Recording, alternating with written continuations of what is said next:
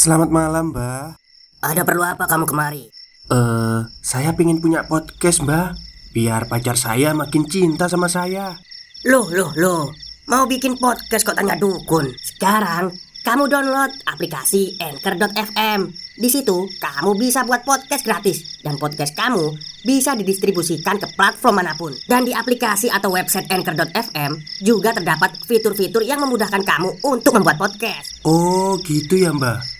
Kalau gitu, saya boleh minta password wifi-nya, Mbak. Buat apa? Buat download Anchor.fm, Mbak.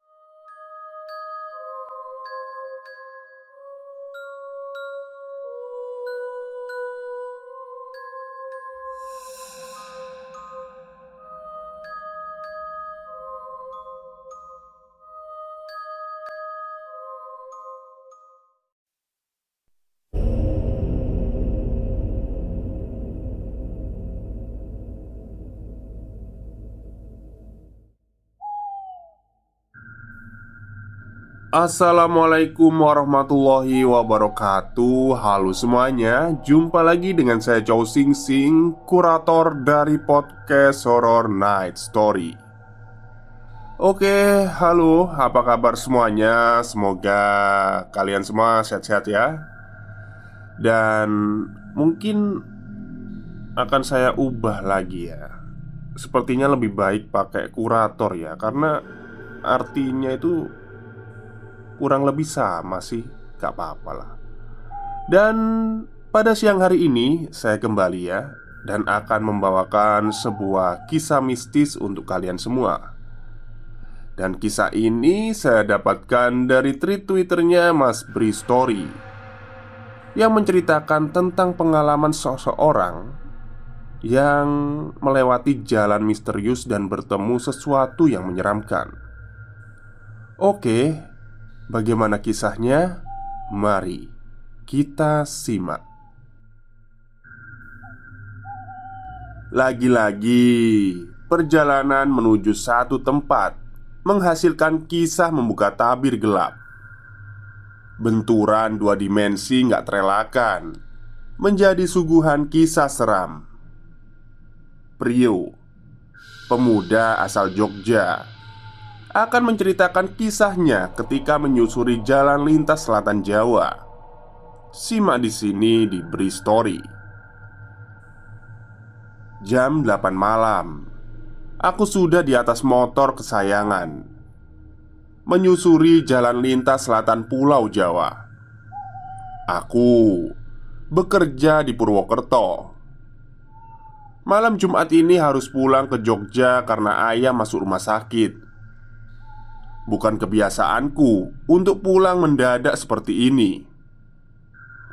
Jadwal pulang biasanya dua minggu atau malah satu bulan sekali. Tapi ini harus aku jalani. Walaupun salah satu kakakku bilang kalau aku nggak perlu pulang. Keluarga besar sudah banyak yang menemani dan mengurus keperluan ayah. Tapi Aku bersikukuh. Kebetulan sudah nyari satu bulan lamanya nggak pernah pulang. Ya sudah. Akhirnya aku pulang. Normalnya perjalanan yang harus ditempuh untuk sampai di rumah Dengan mengendarai motor adalah 4 sampai 5 jam. Jadi paling cepat seharusnya jam 12 tengah malam nanti Aku sudah sampai hanya pakaian berbalut jaket kulit menempel di badan yang aku bawa pulang. Ditambah dengan tas kecil berisi keperluan sehari-hari. Gak banyak memang. Bismillah. Semoga aku selamat sampai rumah tanpa kekurangan apa pun. Udara malam nampaknya gak bergerak. Tapi Aku membelahnya jadi menerpa wajah dan tubuh. Jalanan yang gak terlalu lebar, tapi cukup untuk dua kendaraan berpapasan. Gak perlu aku jelaskan lagi, kan? Ini malam Jumat, belum akhir pekan, jadi pasti sepi.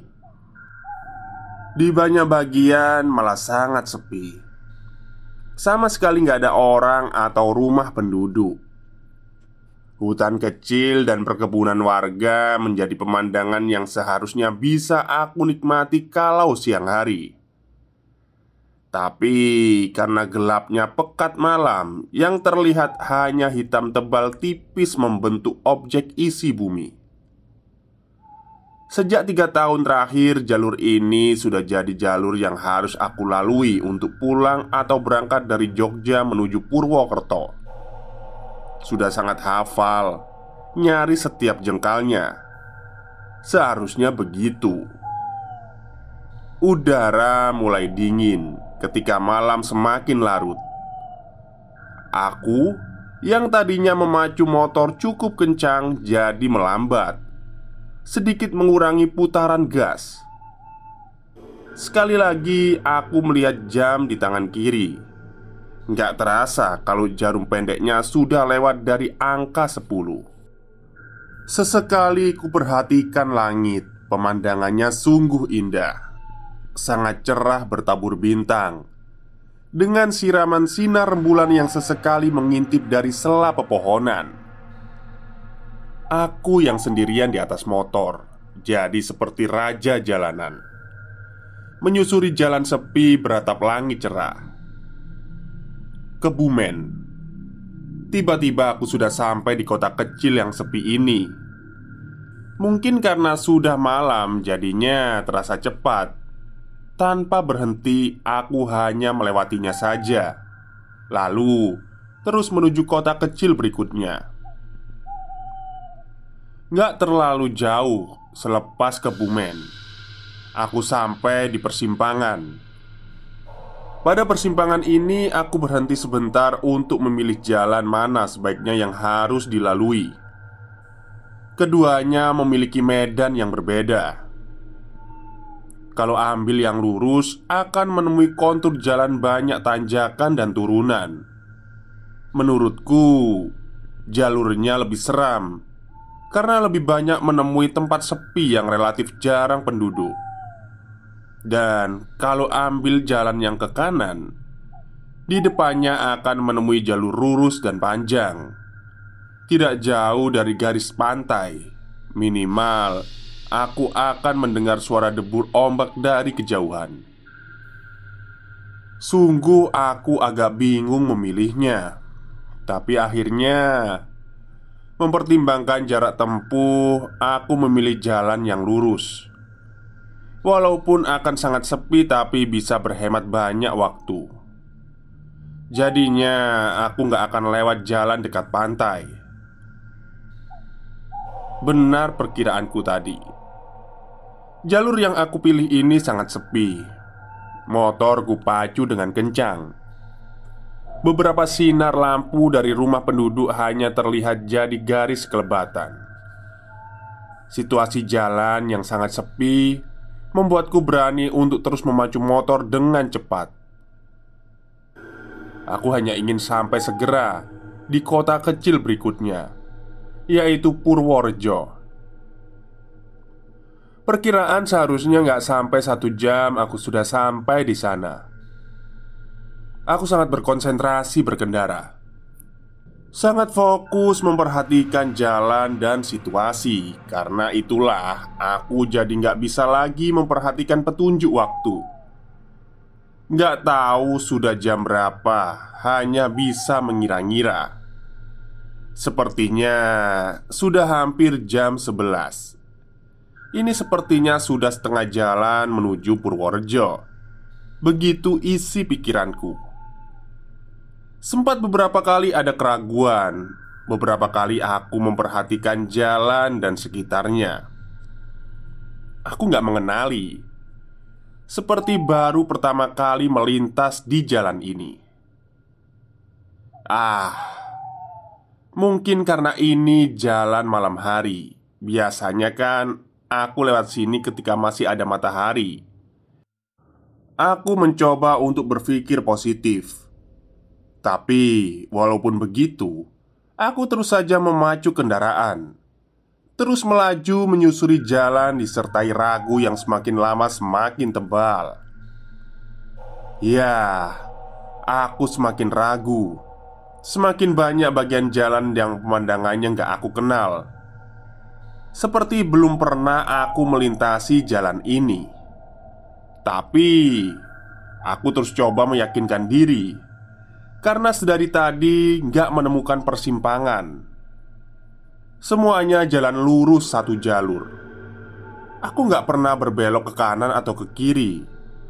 Dengan begitu Seharusnya sudah ada di jalan dan menuju arah yang benar. Perlahan Aku memperlambat laju motor. Sambil memperhatikan jalan mencari tempat Atau bagian yang mungkin aku kenali Ternyata enggak Aku sama sekali nggak kenal daerah ini Aku sepertinya nggak pernah lewat jalan ini. Kok bisa ya? Dan kenapa ini bisa terjadi? Semakin pelan aku memacu motor. Aku menyerah. Lalu berniat untuk mencari penduduk setempat untuk bertanya apakah aku tersesat atau enggak. Tapi sama sekali aku nggak melihat seorang pun. Gak ada warung atau toko kecil yang masih buka. Sepi dan kosong yang ada. Walau beberapa kali ada rumah penduduk Tapi keadaannya sudah gelap. Pintu dan jendelanya sudah tertutup rapat Dan penghuninya sudah pasti tidur. Aku gak tega untuk mengetuk pintu dan membangunkan mereka Sampai akhirnya di kejauhan aku melihat ada warung kecil yang sepertinya masih buka. Ada cahaya lampu dari dalamnya bersinar sedikit keluar. Syukurlah, jadi ada tempat untuk bertanya. Buru-buru aku tancap gas supaya cepat sampai ke sana. Dan benar, warung kecil ini masih buka. Aku memarkirkan motor tepat di depannya. Ada seekor bapak di dalamnya. Aku sedang membereskan warung yang sepertinya memang sudah mau tutup. Sebentar, aku melirik jam tangan. Ternyata sudah jam 11 lewat. Eh, permisi, Pak. Selamat malam. Maaf, saya mengganggu. Tanyaku membuka percakapan. Oh iya, ada apa ya mas? Jawab bapak itu Dengan mata berbinar Mau tanya pak Apa ini benar jalan menuju Purworejo? Benar mas Sampean lurus aja Nggak jauh lagi sampai di Purworejo Masnya mau ke mana memang malam-malam begini? Anu pak, saya mau pulang ke Jogja Terpaksa malam begini. Setelah itu karena aku pikir sudah berada di jalan yang benar Dan kata bapak warung Purworejo sudah tidak jauh lagi Aku memutuskan untuk ngopi sejenak di warung itu. Sekitar 15 menit Aku malah terlibat perbincangan dengan bapak warung. Dia sempat menawarkan untuk menginap di rumahnya karena malam sudah terlalu larut. Aduh, terima kasih, Pak. Saya lanjut jalan aja, pengen cepat sampai rumah. Jawabku menolak tawaran baiknya. Ya sudah, tapi hati-hati ya, Mas. Kalau ada yang mencurigakan, gak usah berhenti, jalan terus aja. Begitu kata bapak itu. Mencurigakan. Mencurigakan gimana pak? Aku jadi penasaran. Ya apa aja yang mencurigakan? Pokoknya sampean harus jalan terus. Hati-hati ya Kalau ada iring-iringan. Ah Bapak ini omongannya semakin membuat aku bingung. Iring-iringan apa pula yang dia maksudkan? Ya sudahlah Aku sudah kemalaman harus cepat pergi dan lanjut perjalanan. Setelah berpamitan, aku langsung tancap gas. Malam semakin larut. Desir angin membawa hawa dingin. Jaket kulit sepertinya kehilangan khasiat. Kulit tubuh mulai merasa kedinginan. Langit juga mulai berubah. Yang tadinya cerah berbintang, perlahan pekat hitam seperti menutup menyelimut rembulan juga sama. Sang raja malam hanya sesekali menampakkan wajah karena barisan awan selalu menutupi ketika hendak muncul dengan seni sinarnya. Tapi gak ada jalan lain. Aku terus melaju dengan kecepatan sedang. Entah kenapa aku merasa kalau jalanan semakin lama semakin mencekam. Semakin merasa seperti itu ketika memperhatikan Kalau sudah entah berapa menit yang lalu Aku nggak melihat ada rumah penduduk atau bangunan lain Stop, stop. Kita break sebentar. Jadi gimana? Kalian pengen punya podcast seperti saya? Jangan pakai dukun, pakai Anchor. Download sekarang juga. Gratis. Kanan kiri jalan hanya ada hutan kecil atau perkebunan luas Rasa khawatir semakin bertambah ketika melihat kalau perlahan kabut tipis mulai turun. Pekatnya mulai menutup jalan dan sekitarnya. Jarak pandang semakin pendek. Semakin pelan aku berkendara. Sampai akhirnya aku sama sekali nggak bisa melihat pemandangan kanan kiri karena gelap malam ditambah dengan kabut yang semakin pekat. Aku hanya bisa memandang beberapa belas meter di depan Dibantu lampu motor yang masih menyala terang Terus kususuri jalan ini Jalanan yang sepertinya nggak berujung. Rasa khawatir Mulai menemani. Sepertinya ada yang nggak beres. Laju motor yang sudah pelan jadi semakin pelan. Ketika aku merasa kalau jalanan ini nggak rata bergelombang, nggak seperti sebelumnya yang merupakan jalan aspal mulus. Permukaan jalan berubah semakin jauh. Aku merasa kalau jalanan ini semakin jelek. Ya, memang begitu. Aku hanya bisa merasakan karena jalanan tertutup kabut, jadi nggak bisa melihat jelas. Penasaran, akhirnya aku menghentikan motor agar bisa memperhatikan kondisi jalan dengan lebih seksama. Aku terkejut ketika mengetahui kalau ternyata jalanan ini bukan jalan aspal seperti sebelumnya, tapi jalan tanah. Jalan tanah kering yang bergelombang. Ya Tuhan, di mana ini? Kataku bertanya dalam hati. Jelas saja aku bingung kenapa tiba-tiba sudah melintas di atas jalan tanah Perasaan Jalan yang sebelumnya kulewati nggak melintasi persimpangan. Kenapa bisa sampai di daerah seperti ini? Daerah hutan yang sama sekali nggak aku kenal. Aku kebingungan.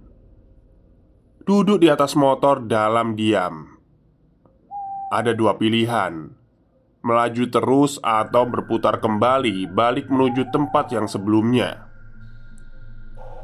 Cukup lama aku termenung hingga akhirnya di pepohonan rindang sebelah kiri jalan ada yang menarik perhatianku.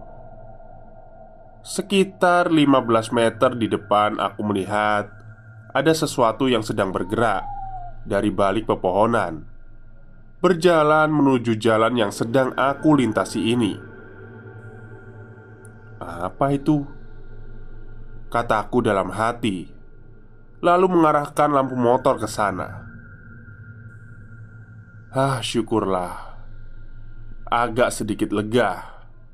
Ternyata yang aku lihat adalah iring-iringan beberapa orang yang sedang berjalan dari balik pepohonan di hutan sebelah kiri. Gak banyak, mungkin hanya empat atau lima orang. Itu perkiraanku. Aku belum bisa melihat mereka dengan jelas karena pandangan masih terhalang gelap dan pepohonan. Ah, aku jadi bisa bertanya tentang arah jalan ke orang-orang ini, kan? Begitu pikirku waktu itu. Beberapa belas detik kemudian, jadi makin senang lagi karena melihat mereka ternyata berjalan menuju ke arahku ketika sudah keluar dari pepohonan. Benar, mereka berjalan ke arahku. Tapi karena kabut yang makin pekat, juga jarak pandang yang masih pendek, aku masih belum bisa melihat mereka dengan jelas. Tapi nggak lama, beberapa detik kemudian, akhirnya aku dapat melihat mereka dengan jelas. Setelah jarak kami hanya tinggal beberapa meter saja, tapi tiba-tiba mereka berhenti Lalu berdiri diam sekitar 5 meter di depanku. Orang-orang itu berada di sisi jalan sebelah kanan. Sementara Aku berada di kiri. Aku arahkan lampu motor Lurus ke depan. Gak mengarahkan langsung ke rombongan itu Karena gak mau dianggap gak sopan Itulah kenapa pada detik ini aku masih juga belum bisa melihat mereka dengan jelas. Yang aku tahu, mereka sedang berdiri berbaris ke belakang. Penasaran memuncak, perasaan mulai nggak enak. Kenapa mereka tadi dia? Kenapa mereka tadi tiba-tiba berhenti lalu berhenti diam, gak melanjutkan melangkah? Karena itulah, akhirnya aku nekat untuk mengarahkan lampu motor ke arah mereka. Saat itulah, kulihat semuanya. Melihat pemandangan yang sangat seram di tempat yang aku sama sekali nggak kenal. Ternyata mereka ada enam orang. Dua berjajar di depan, empat di belakang. Empat orang di belakang terlihat seperti sedang membawa sesuatu, membopong suatu benda di atas pundaknya. Mereka ternyata rombongan pembawa jenazah. Empat orang di belakang ternyata sedang memanggul keranda mayit. Siapa mereka? Kenapa tengah malam begini berjalan beriringan membawa keranda? Tapi bukan itu yang membuat bulu kuduku berdiri semua. Ternyata bukan itu yang membuat ketakutanku memuncak sampai ke ruang batin. Bukan, masih ada lagi. Aku langsung memutar motor ke arah berlawanan, berniat untuk kembali lagi saja ke arah datang tadi. Gak mau berpapasan dengan rombongan itu. Aku amat sangat ketakutan. Kenapa begitu? Apa yang membuat aku sangat ketakutan? Ya, aku melihat kalau ternyata mereka semua nggak punya kepala, hanya badan saja. Itu yang membuatku sangat ketakutan. Setelah motor sudah berbalik arah, entah disebabkan rasa takut yang membuncah atau bagaimana. Tiba-tiba Mesin motorku mati. Setelah itu aku coba menyalakan lagi. Berusaha terus sampai mesin hidup lagi. Kemudian Melirik sedikit ke belakang Dengan maksud untuk melihat rombongan seram itu. Ya Tuhan Ternyata mereka sudah mulai bergerak maju Mendekat ke arahku. Melihat itu semua aku semakin panik terus mencoba menyalakan mesin motor. Nyaris menangis ketika sadar kalau mereka sekarang sudah berada tepat di sampingku. Berjalan pelan dengan langkah gontai. Aku ketakutan. Rombongan tanpa kepala pembawa keranda mayat sedang persis melintas di sebelah kananku. Hingga akhirnya datang keajaiban. Tiba-tiba mesin motor menyala. Detik itu pula aku langsung tancap gas meninggalkan rombongan seram itu di belakang. Apakah itu selesai? Belum. Beberapa menit kemudian, aku merasa ada yang aneh. Ada yang terasa berbeda dengan motorku kali ini. Rasanya lebih berat Aku merasa kalau beban motorku jadi bertambah. Hah, seperti ada yang sedang membonceng di jok belakang. Sepertinya aku sedang gak sendirian lagi. Aku melirik kaca spion. Aku mencoba melihatnya. Gak terlalu jelas, tapi sekilas ternyata benar Aku melihat ada sosok yang sedang duduk di jok belakang.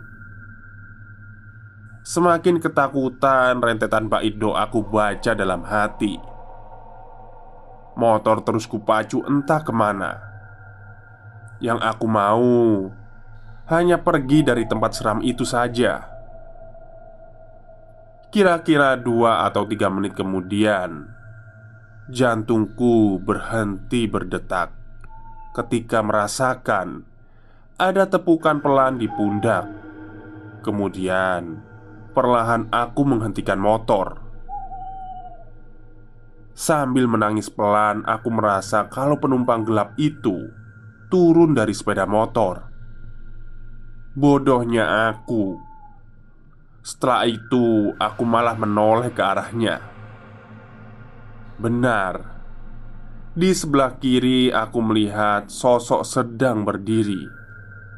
Dia berdiri, dia mematung tanpa kepala. Tanpa pikir panjang, aku langsung tancap gas. Gak lama, sekitar beberapa menit kemudian, akhirnya aku menemui jalan beraspal. Jalan aspal yang kali ini aku bisa mengenalinya. Kemudian, Aku terus melaju pulang Sampai akhirnya pada jam 2 dini hari Sampai di rumah dengan selamat. Sungguh merupakan kejadian seram yang gak akan aku lupakan selama hidup.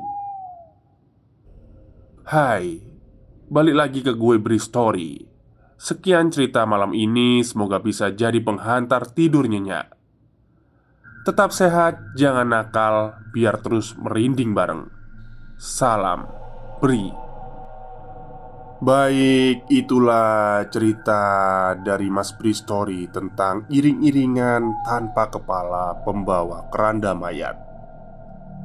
Serem juga sih sebenarnya kalau ketemu seperti itu di jalan yang sepi ya.